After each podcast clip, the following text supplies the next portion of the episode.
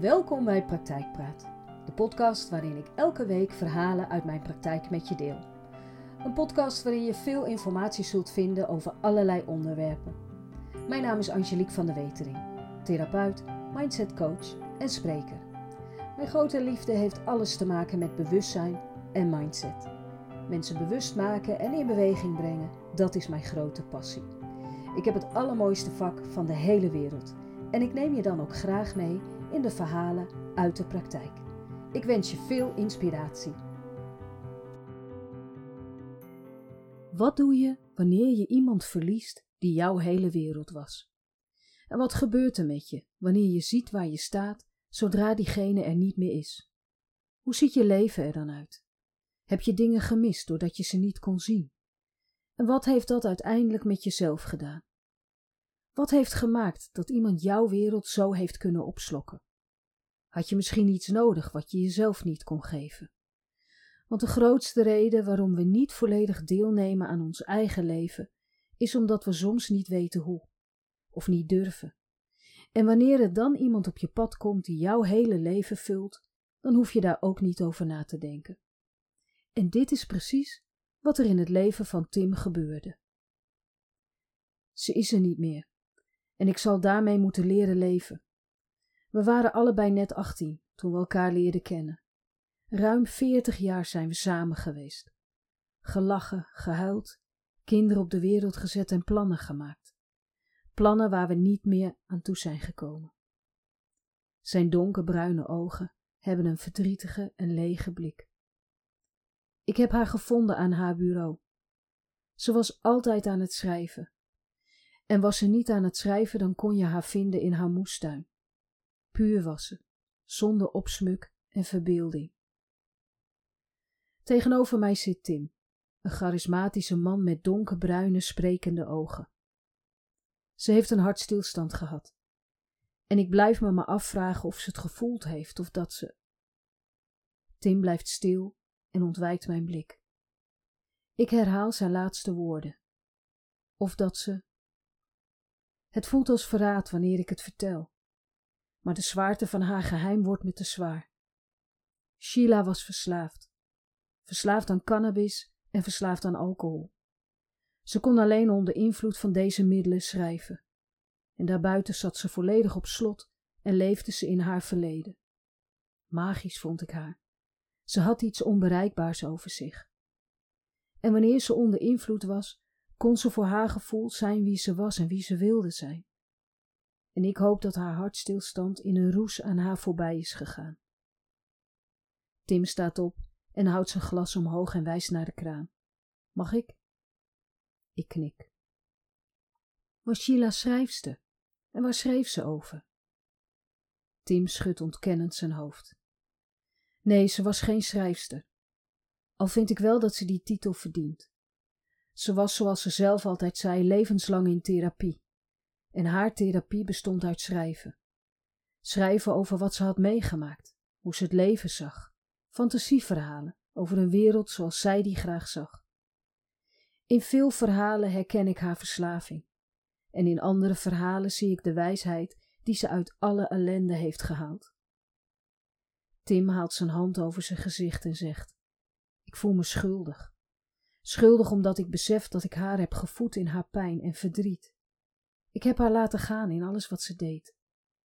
En toen de kinderen nog klein waren, moest ik regelmatig eerder van mijn werk naar huis komen, omdat ze zo onder invloed was dat ze niet meer voor de kinderen kon zorgen. Ik deed dat. Ik stelde geen vragen en ook geen grenzen. Tim kijkt mij aan en schudt zijn hoofd. Jouw liefde voor Sheila was grenzeloos. Hoe was dat voor de kinderen? Ik hoor dat hij zijn adem even inhoudt en besef me dat daar veel emotie ligt. Daar ligt het grootste gedeelte van mijn schuldgevoel. Ook de zorg van de kinderen heb ik laten gaan. Mijn focus lag op Sheila en of zij wel kreeg wat ze nodig had. Tim legt zijn hoofd in zijn handen. Met het overlijden van Sheila raakte hij ook zijn twee kinderen kwijt. Voor hen was met het overlijden van hun moeder de grens bereikt. Daar waar hun ouders geen oog hadden voor hun kinderen, daar hadden zij wel oog voor elkaar. De tweeling Finn en Gijs leerden al jong voor zichzelf zorgen. En ik denk terug aan de mail die ik van Tim kreeg. Deze begon met de brief die de tweeling aan hem schreef kort na het overlijden van Sheila. Pap, deze brief is van ons samen. En we hebben geprobeerd deze brief zonder verwijten te schrijven. Iets dat niet helemaal gelukt is. Waar was jij? We weten waar mama was. Ze leefde het liefst in haar eigen gecreëerde wereld, vrij van trauma en leed.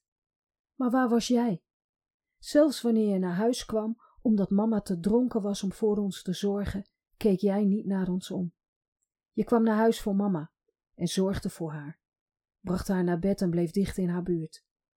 Van jouw liefde voor mama hebben wij veel geleerd. En juist dat is de reden dat wij voor onszelf kiezen. We hebben elkaar beloofd elkaar nooit meer uit het oog te verliezen, zoals jij dat bij ons hebt gedaan. We hebben elkaar beloofd nooit, maar dan ook nooit te doen wat jij hebt gedaan. Een ander op een voetstuk zetten om vervolgens alles om je heen te vergeten. Als dat liefde is, dan blijven wij liever alleen en samen.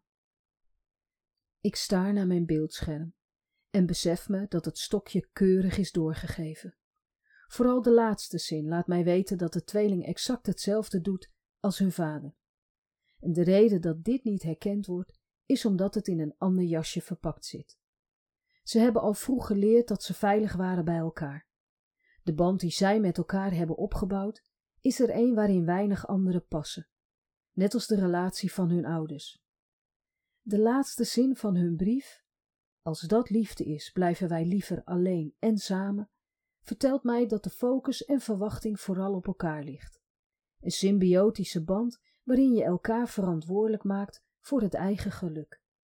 Je bent afhankelijk van elkaar. De geschiedenis herhaalt zich. En ik heb een zin in mijn hoofd die ik zo vaak herhaal bij ouders.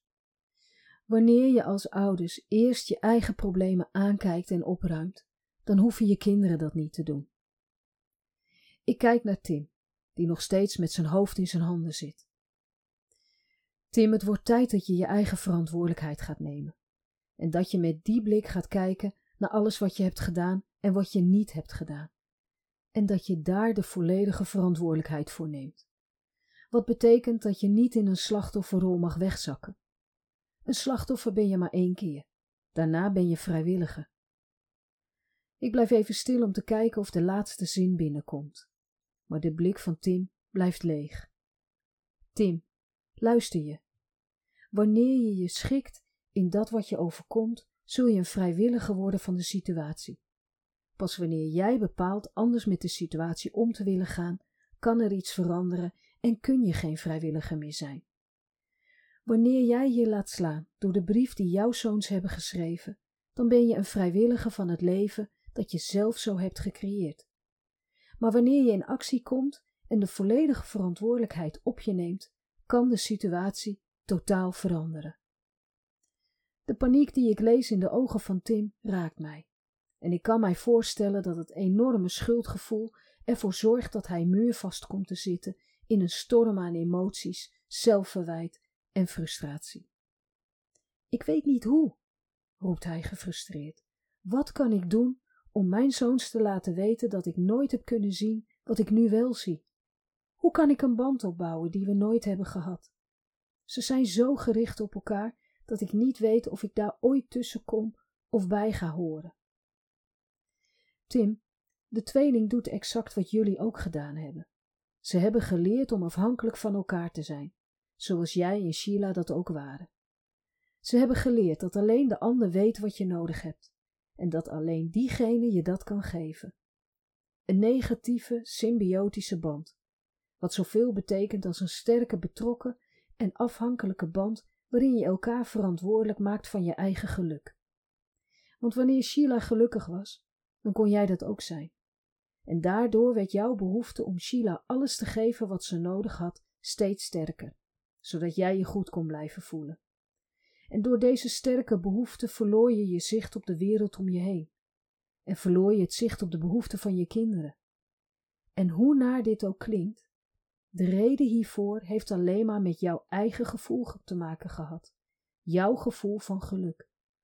Een behoefte die een egoïstische inslag kreeg en waar jouw kinderen nog steeds de vruchten van plukken.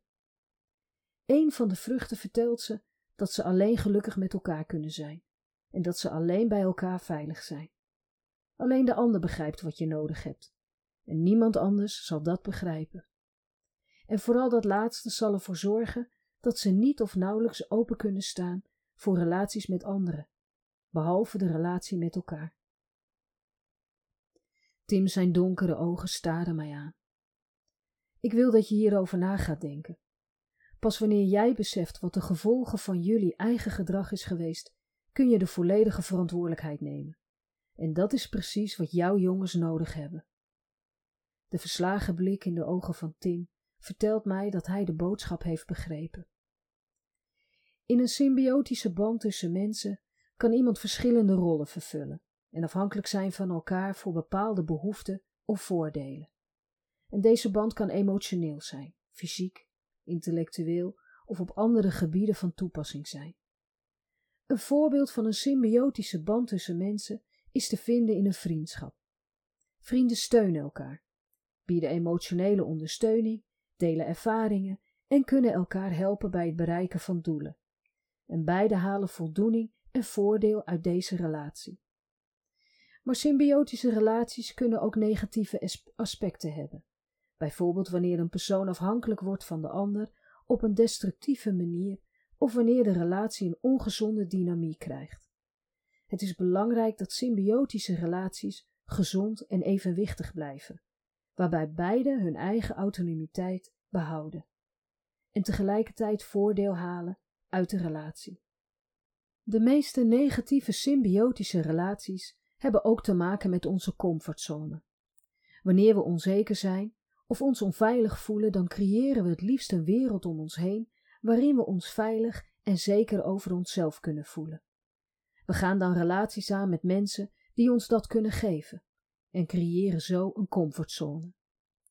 In onze comfortzone voelen we ons veilig, doen we dingen waarvan we bijna zeker weten dat we het kunnen en dat we het goed doen.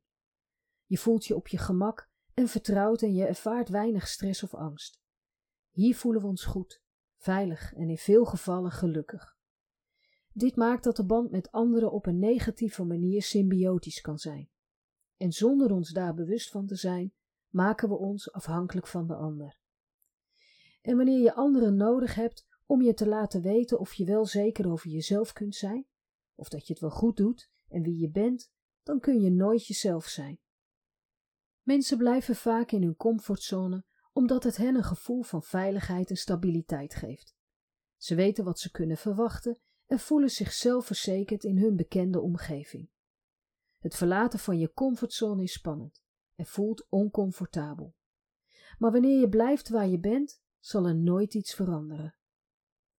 De vervolggesprekken met Tim hadden veelal te maken met het bewust worden van zijn eigen handelen. De manier waarop Tim met de situatie omging was conflictvermijdend en sussend. Met zijn eigen gedrag suste hij zijn eigen onrust. En zijn comfortzone was hierop ingesteld. Tim zorgde er namelijk voor geen mensen om zich heen te hebben met een kritische blik.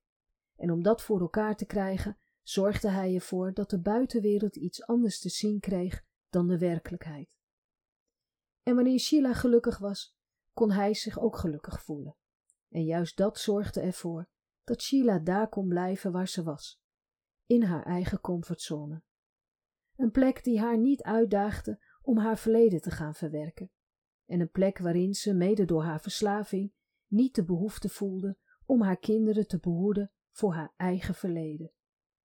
Met andere woorden, Sheila voelde niet de behoefte om de beste versie van haarzelf te worden, zodat ze alleen dat kon doorgeven aan haar kinderen. In plaats daarvan gaf ze haar eigen leed vrijwillig door. Haar verleden leerde haar dat de wereld om haar heen niet veilig was, en dat er maar één iemand was die haar zou beschermen en die haar alles zou geven om zich veilig te voelen. En dit alles heeft ze met liefde aan haar kinderen doorgegeven. En waarom zeg ik met liefde? Omdat ik zeker weet dat ze heel veel van haar kinderen heeft gehouden. En wanneer ze net zoveel van zichzelf had gehouden als van haar kinderen, dan was ze niet al die jaren vrijwilliger van haar eigen verleden geweest. Nee, dan had ze goed voor zichzelf willen zorgen, wat betekent dat ze haar verleden zou hebben aangekeken en verwerkt. De spiegel waar Tim ieder gesprek weer in keek, liet hem zien dat ook hij heeft gehandeld vanuit zijn eigen comfortzone. Daar was het veilig en vertrouwd. Daar lag zijn geluk. De grootste uitdaging was het aangaan van zijn eigen angst om afgewezen te worden door zijn eigen zoons. Iets dat hij jarenlang bij hen had gedaan. Op mijn vraag of hij een brief wilde schrijven aan zijn zoons en wat hij daar dan in zou zetten, antwoordde Tim zo puur dat ik er kippenvel van kreeg. Ik zou ze willen zeggen dat je eerst moet leren om voor jezelf te zorgen, voordat je dat voor een ander kunt doen. En ik zou ze willen laten weten dat ik heel graag onderdeel zou willen uitmaken van hun zelfzorg, zodat het verleden zich niet nog een keer hoeft te herhalen. Zorgen voor jezelf. Wanneer je goed zorgt voor jezelf, hoeft een ander dat niet te doen. Want voor jezelf zorgen is de meest krachtige manier om voor anderen te zorgen. Voor Finn en Gijs was het niet eenvoudig om de veiligheid die ze alleen bij elkaar vonden, de ruimte te geven. Leren dat veiligheid voornamelijk met jezelf te maken heeft, was een les die zwaar viel. In de mail die ik later van hun kreeg, vertelden ze hoe blij ze voor hun vader waren dat hij eindelijk hulp had gezocht.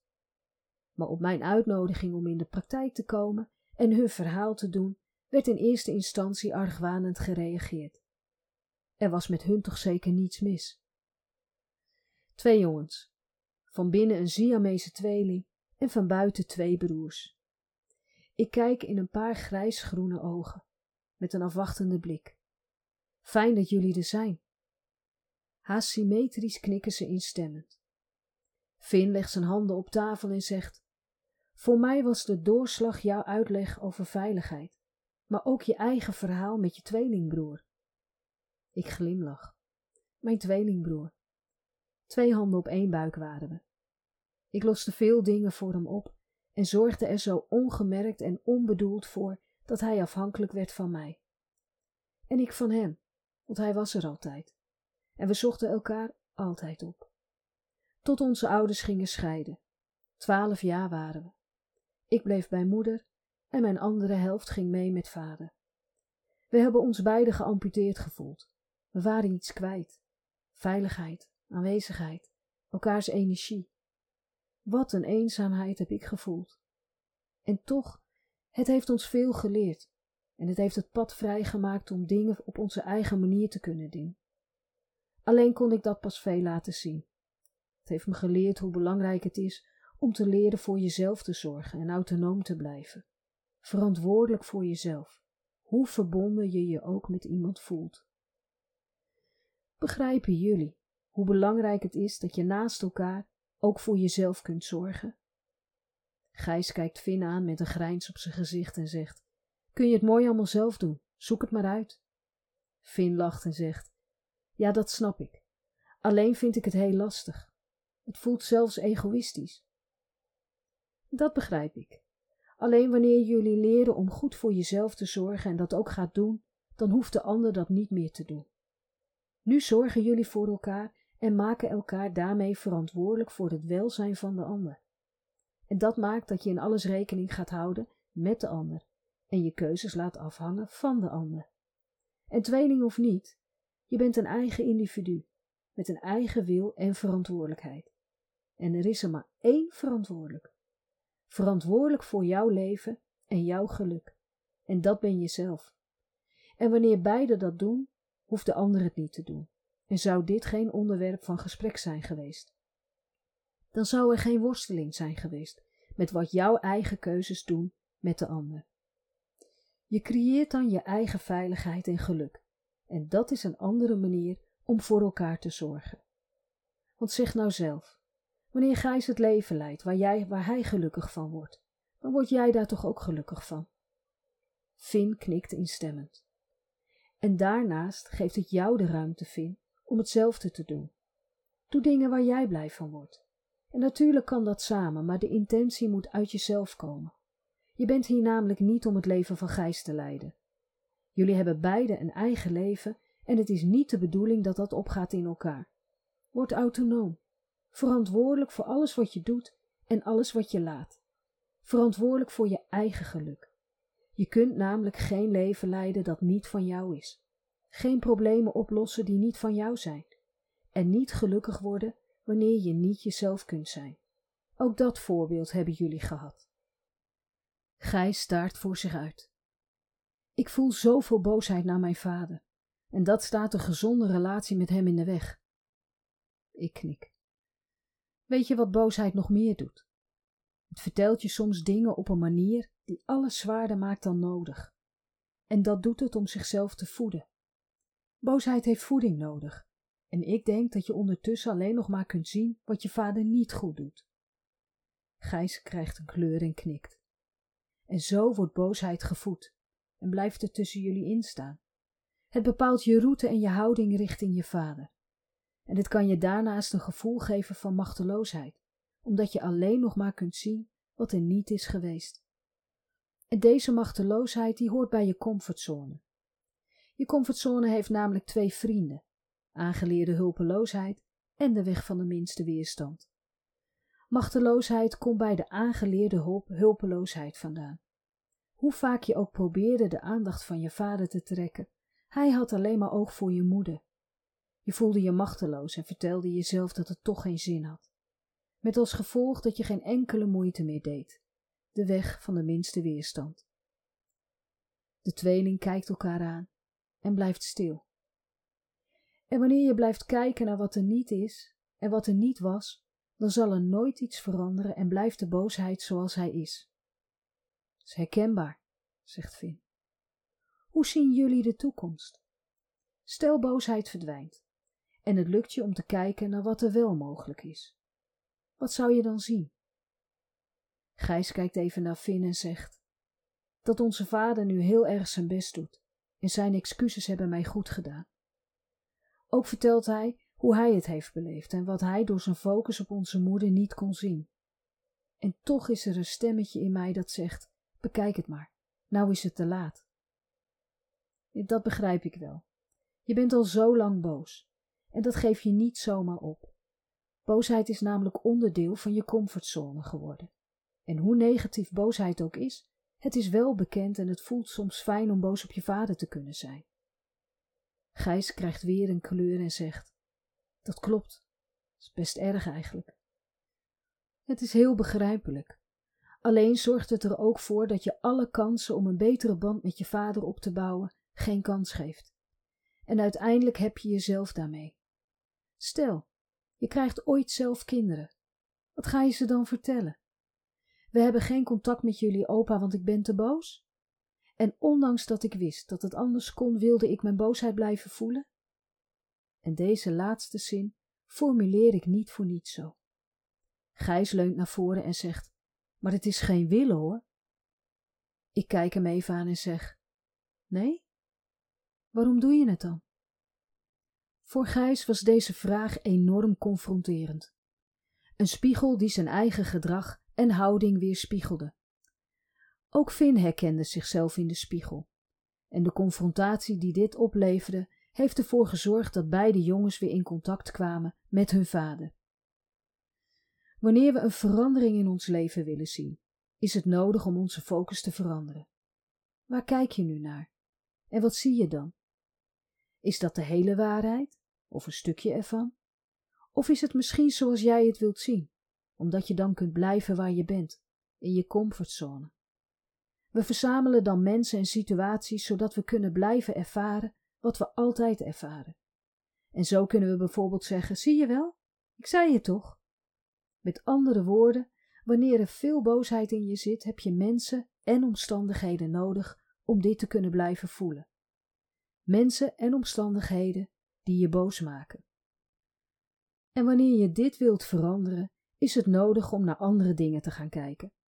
Als je bijvoorbeeld blijft kijken naar wat er niet is en wat je boos maakt, dan gaat er niets veranderen. Niet aan jouw leven en niet aan je boosheid. Schrijf eens op hoe jouw leven er nu uitziet en wat je graag zou veranderen. En kijk eens wat maakt dat dat nog niet gelukt is. Onderzoek dit en vergeet hierbij niet te kijken naar je gedachten en overtuigingen. Hoe denk je over iets? Waar geloof je in of waar geloof je niet in? want met deze overtuigingen kijk jij naar de wereld om je heen. Zijn je gedachten overwegend negatief, dan zul je maar lastig positieve dingen in je leven vinden. Jouw brein heeft dan de focus op alles wat negatief is.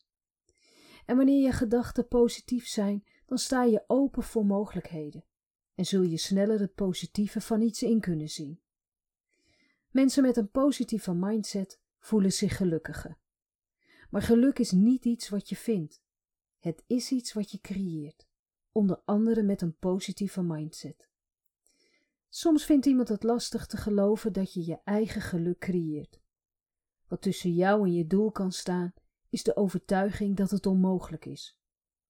Maar wanneer je belemmerende overtuigingen achter je laat en gelooft in jezelf, dan zijn er veel meer dingen mogelijk dan jij denkt. Dan heb je de kracht om je eigen pad te kiezen. Onderzoek dit en zorg goed voor jezelf. Dit was Praktijkpraat. Dank je wel voor het luisteren. Wat fijn dat je weer luisterde naar een aflevering van Praktijkpraat. Dank je wel. Heb je naar aanleiding van deze podcast vragen, opmerkingen of suggesties? Mail dit dan. En dat kan naar info apenstaartje En wanneer je denkt dat deze podcast interessant zou kunnen zijn voor iemand die je kent, dan zou het super zijn wanneer je de podcastaflevering doorstuurt. Nog even een vraag van mij. Vergeet niet te volgen, dan mis je geen aflevering meer. Nogmaals, dankjewel voor het luisteren en heel graag tot een volgende keer.